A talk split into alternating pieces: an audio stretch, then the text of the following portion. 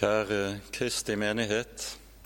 Nåde være med deg, og fred fra Gud vår Far og Herren Jesus Kristus. Amen. La oss be.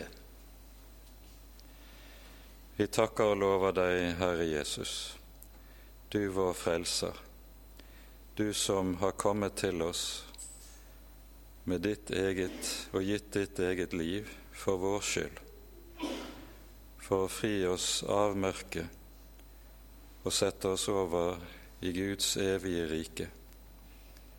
Vi takker og lover deg, Herre Jesus, at du står inne for vår frelse med ditt eget liv. Vi ber deg, Herre, at du vil la din Hellige Ånd gjøre sin gjerning imellom oss, at dine ord forblir vår skatt, forblir vår faste grunn, både i liv og i død. Amen. Det hellige evangeliet etter første rekke for eh, femte søndag i treenighetstiden står skrevet hos evangelisten Matteus i det syvende kapittel.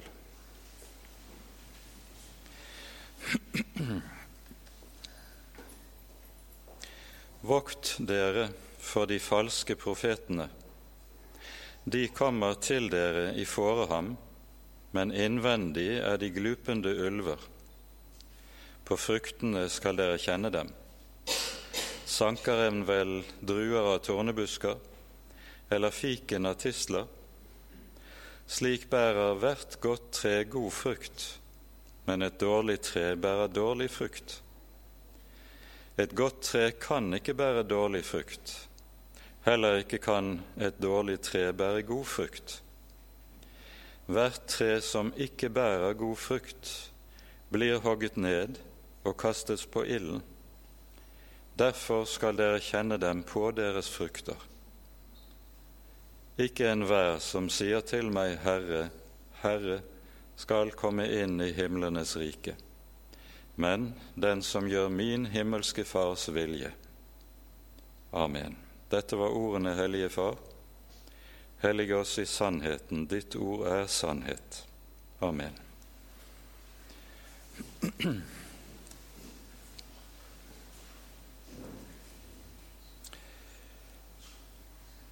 De senere år vil dere alle være kjent med hvorledes både myndigheter og massemedia i økende utstrekning befatter seg med nødvendigheten av sunt kosthold. Nylig kom det nye anbefalinger fra myndighetene når det gjelder det rette og sunne kosthold. Og eh, dette er så å si blitt noe av et hovedtema i svært mye av det vi hører i dagens offentlighet. Det Jesus gir oss i dagens tekst, det er også en tale om sunt kosthold. Tidligere i Matteusevangeliet hører vi Jesus sitere fra Mosebøkene og si Mennesket lever ikke av brød alene, men av hvert ord som går ut av Guds munn. Og Med det peker Jesus på hva som er den rette mat, det sunne kosthold, det som kan bevare mennesket til evig liv.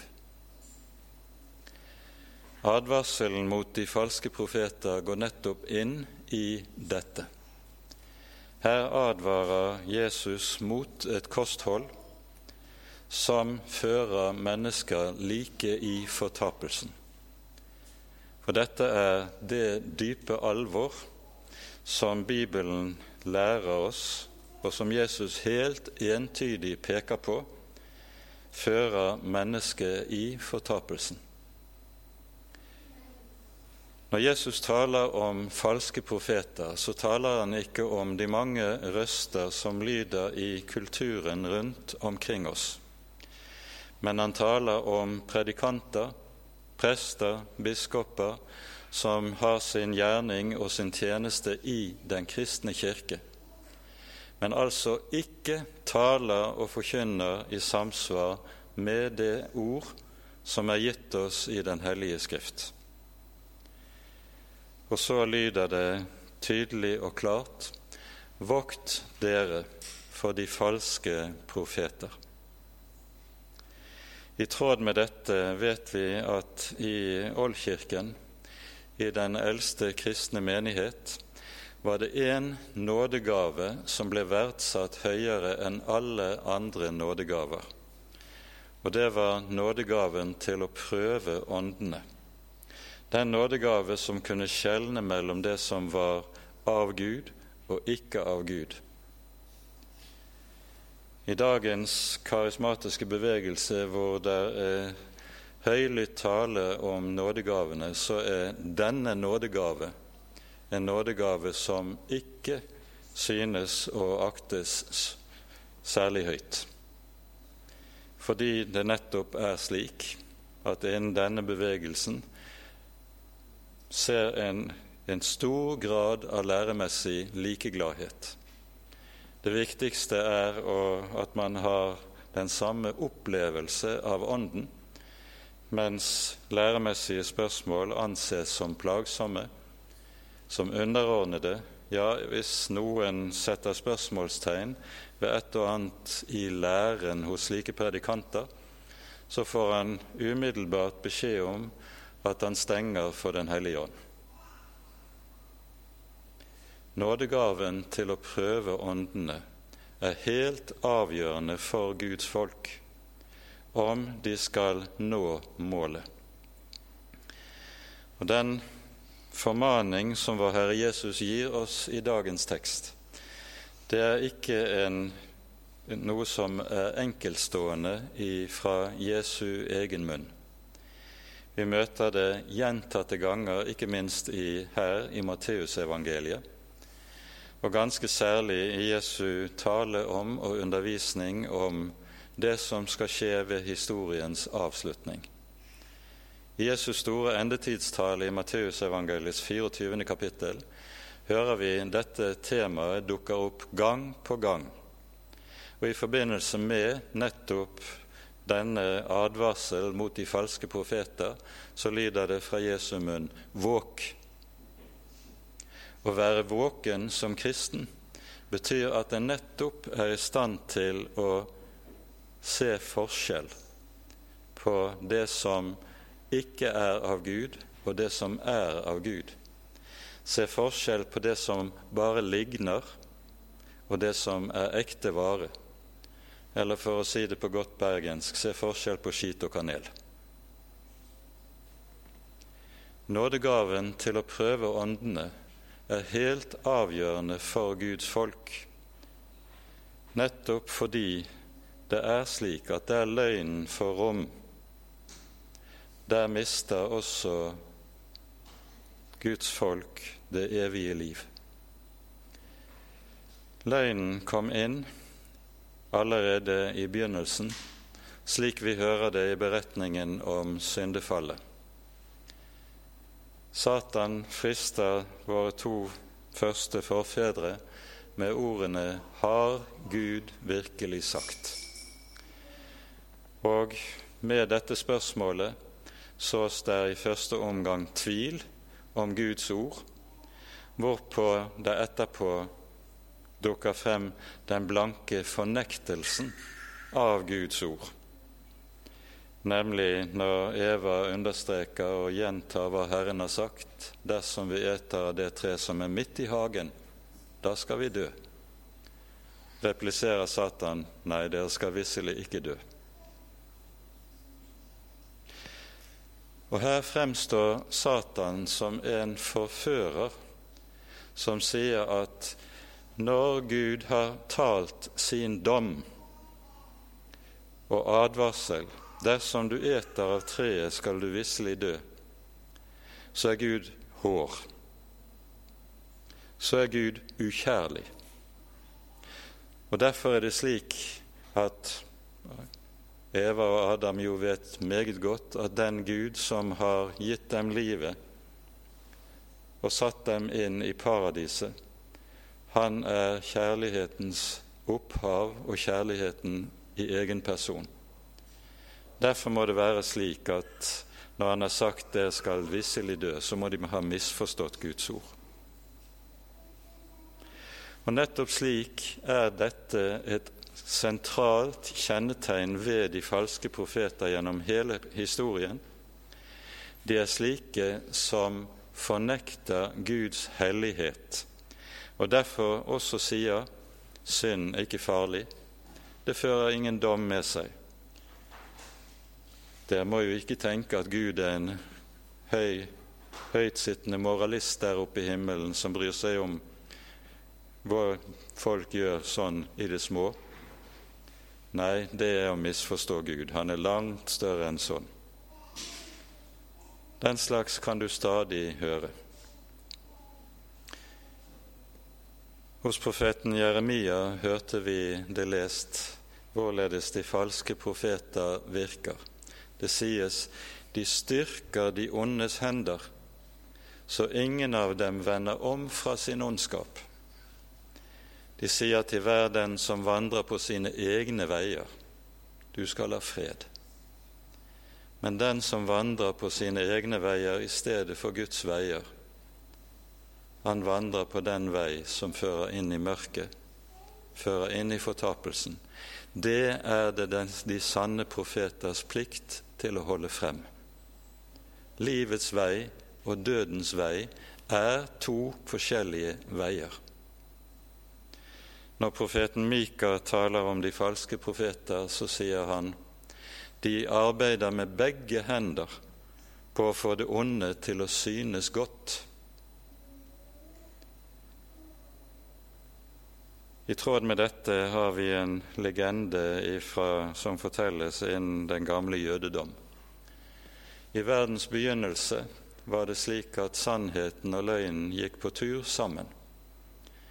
De kom til en liten sjø, og vannet så friskt og godt ut, og de ble enige om å ta seg en dukkert. Sannheten kler av seg og hopper i vannet.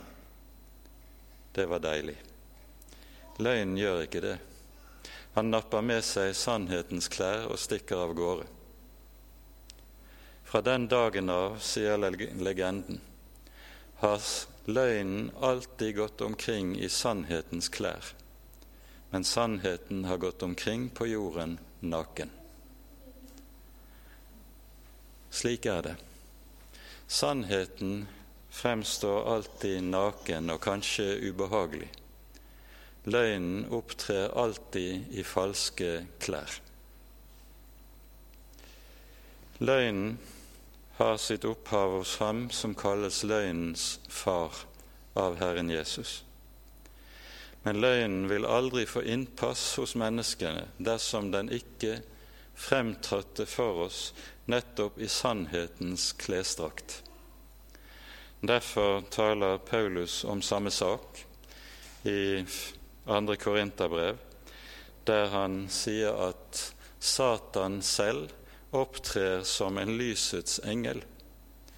Derfor er det ikke noe stort under om de falske apostler fremtrer som lysets apostler. Slik har det alltid vært, og slik kommer det til å være inntil enden. Et av de falske profeters virksomste våpen, det er at de søker å ødelegge de sanne Guds ords forkynneres gjerning, tale og virke. Dette ser vi meget tydelig når vi møter apostelen Paulus sitt virke. De falske apostler som reiste omkring i Paulus sine fotspor og forfører menighetene. Et av de gjennomgående trekk ved disse var at de baktalte Paulus. De søker å ramme Paulus personlig. De beskylder ham for havesyke. De beskylder ham for ærekjærhet. De beskylder ham for maktmisbruk. De beskylder ham for det ene og det annet av ondskapens synder. Og gjennom det å søke å ramme Paulus sin person vil de ramme Paulus sitt budskap. Kan de bare så tvil om Paulus' integritet, så har de også rammet det budskap han forkynner. Derfor ser vi også at Paulus må se seg nødsaget i andre korinterbrev og forsvare seg mot nettopp de falske anklager som reises mot ham. Dette er også noe som vi ser om igjen og om igjen gjennom Kirkens historie. Og den dag i dag er det slik at apostelen Paulus stadig baktales. Han er kvinnehater. Han er en som bare er bundet av fordommene i sin egen samtid, og derfor kan vi ikke ta ham på alvor. Man fortsetter å baktale Herrens apostel.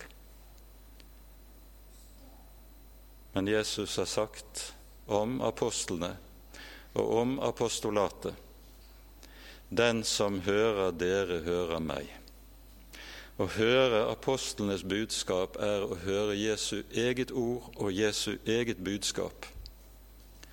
Og Derfor er det også slik at det som er den sanne kirkes egentlige kjennetegn, det er at den er apostolisk. Dvs. Si, den tror, lærer og bekjenner slik som apostlene gjorde det og viker ikke av verken til høyre eller til venstre, legger ikke til og trekker ikke fra det Herren har sagt gjennom sine hellige apostler.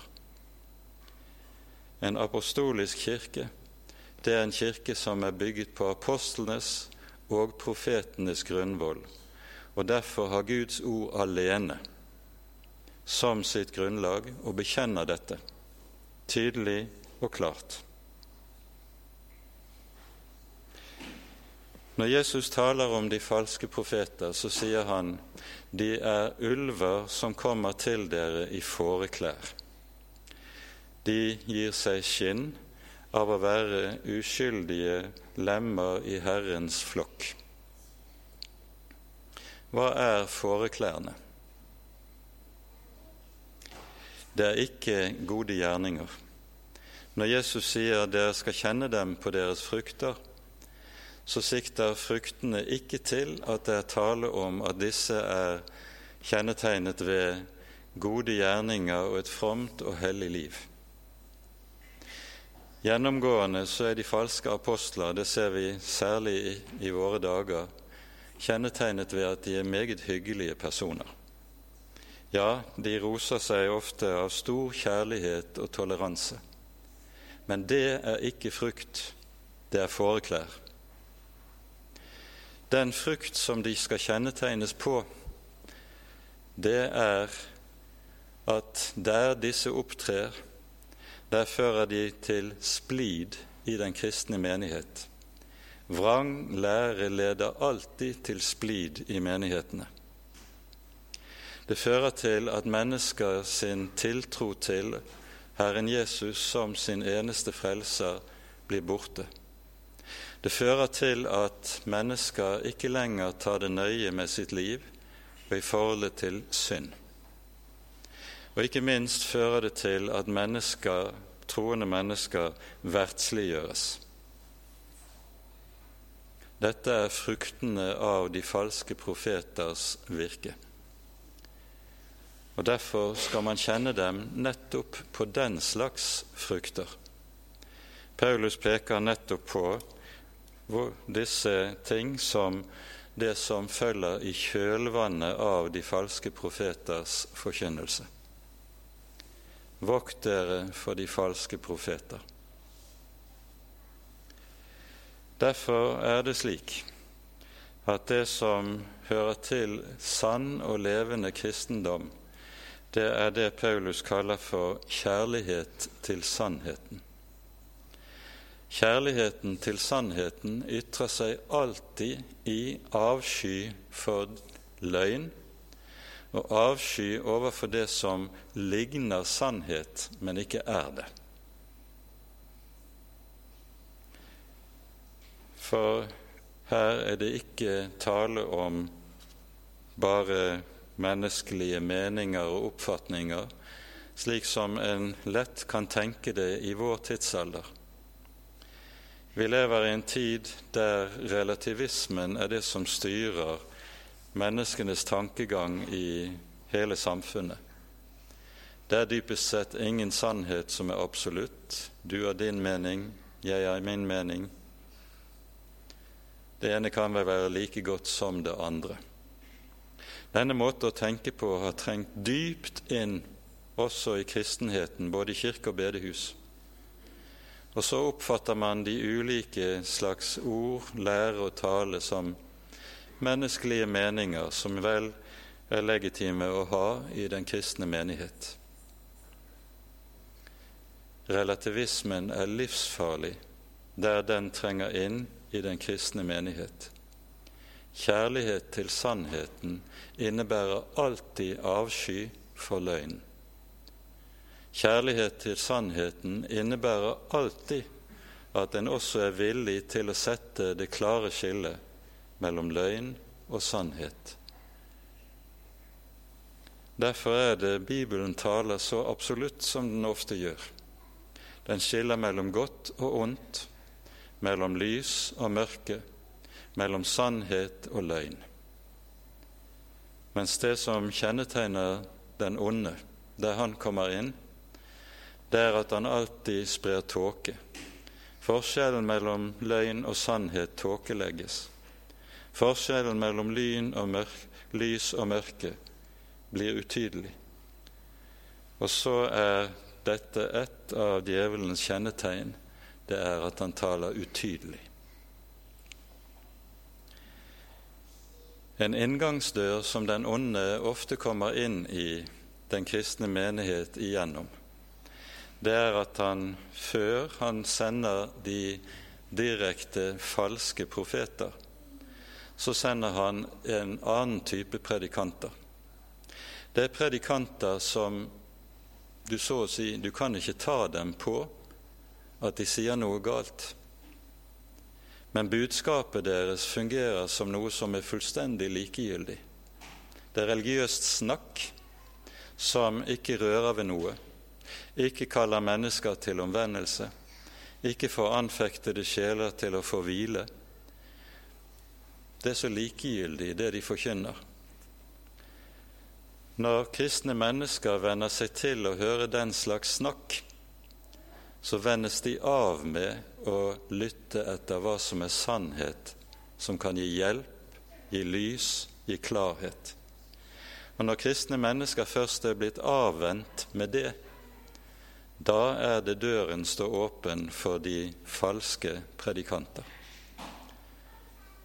Jeg er redd det er nettopp dette som har skjedd i store deler av vår norske kristenhet, både kirke og bedehus. Man får først utydeligheten som utydelighetens predikanter, som så er de effektive døråpnere for de falske. Dette er djevelens strategi, og det er noe Guds folk må være klar over. Og Derfor er det også noe av det mest avgjørende for Guds folk å be om å få predikanter som vet forskjell på lys og mørke og kan holde det frem, som vet forskjell på lys, på løgn og sannhet og kan forkynne det klart, som kan forkynne mennesker til omvendelse, som kan tale slik at samvittighetene berøres og der vekkes syndenød, som kan tale slik til de som er i syndenød, at de finner sin hjelp i evangeliet om Herren Jesus, og at Han blir deres eneste hjelp, eneste håp og eneste trøst. Det er den bønn som er avgjørende når vi skal kalle predikanter i den kristne menighet. Og det er den bønn Guds folk stadig må bære frem for at lysestaken ikke skal bli borte imellom oss. Vokt dere for de falske profeter, sier Jesus. Dette sier han som selv er sannheten i egen person. Og så lyder det fra Jesu munn i Johannesevangeliet Dersom dere blir i mine ord, da skal dere kjenne sannheten, og sannheten skal sette dere fri. For slik er det. Det evangelium Jesus har kommet for å gi oss, det er det som er båret frem av den ånd som også heter sannhetens ånd. Og der sannhetens ånd kommer inn, der skapes det sannferdighet i menneskenes liv. Der lyder sannheten tydelig og klar fra Kirkens talerstol. Og der, der lyder det ord som setter mennesker i frihet, fordi Jesus selv blir malt for øynene til mennesker, malt som den der er korsfestet, til frelse for syndere.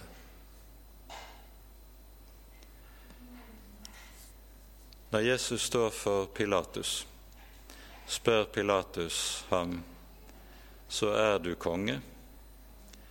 Jesus svarer, du har sagt det. Dertil er jeg kommet til verden for å vitne om sannheten. Hver den som er av sannheten, hører min røst. Og der kommer skillet. Nettopp samme sak er det apostelen Johannes fremholdt i dagens lesetekst, der han sier, Mine elskede, vi er ikke av verden, derfor hører verden oss ikke. Men når han taler om de falske profeter, sier han, de er av verden. Derfor hører verden dem. Dette ser vi så tydelig for våre øyne i våre dager. Der er en type predikanter, prester og biskoper, som er meget populære her i verden. Nettopp det er kjennetegn på deres falskhet. De taler ikke av Herren, de kommer ikke fra Herren, men de kommer fra mørkets fyrste. Mine får høre min røst, sier Jesus. Hver den som er av sannheten, hører meg, sier Jesus. For i denne røst som Jesus kommer med når han gir oss evangeliet, ligger selve livet gjemt. Den som har lært Jesus å kjenne, vet dette tydelig. For han har erfart og opplevd at der Jesu ord kom inn, der skapte det et nytt liv, et nytt hjerte hos meg. Der ble mørket til lys. Der ble synden renset ut. Der skaptes det et håp innenfor evigheten og dommen som blir stående. Et håp som har sin grunn i ikke noe jeg har å fare med, men ene og alene i at jeg har hørt Ham som ga livet for oss og gir livet til oss i og med sitt ord. Ære være Faderen og Sønnen og Den hellige ånd, som var og er og være skal, en sann Gud, høylovet i evighet. Amen.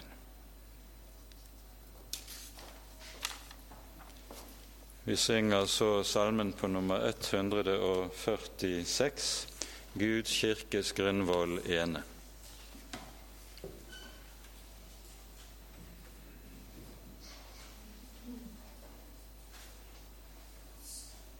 Música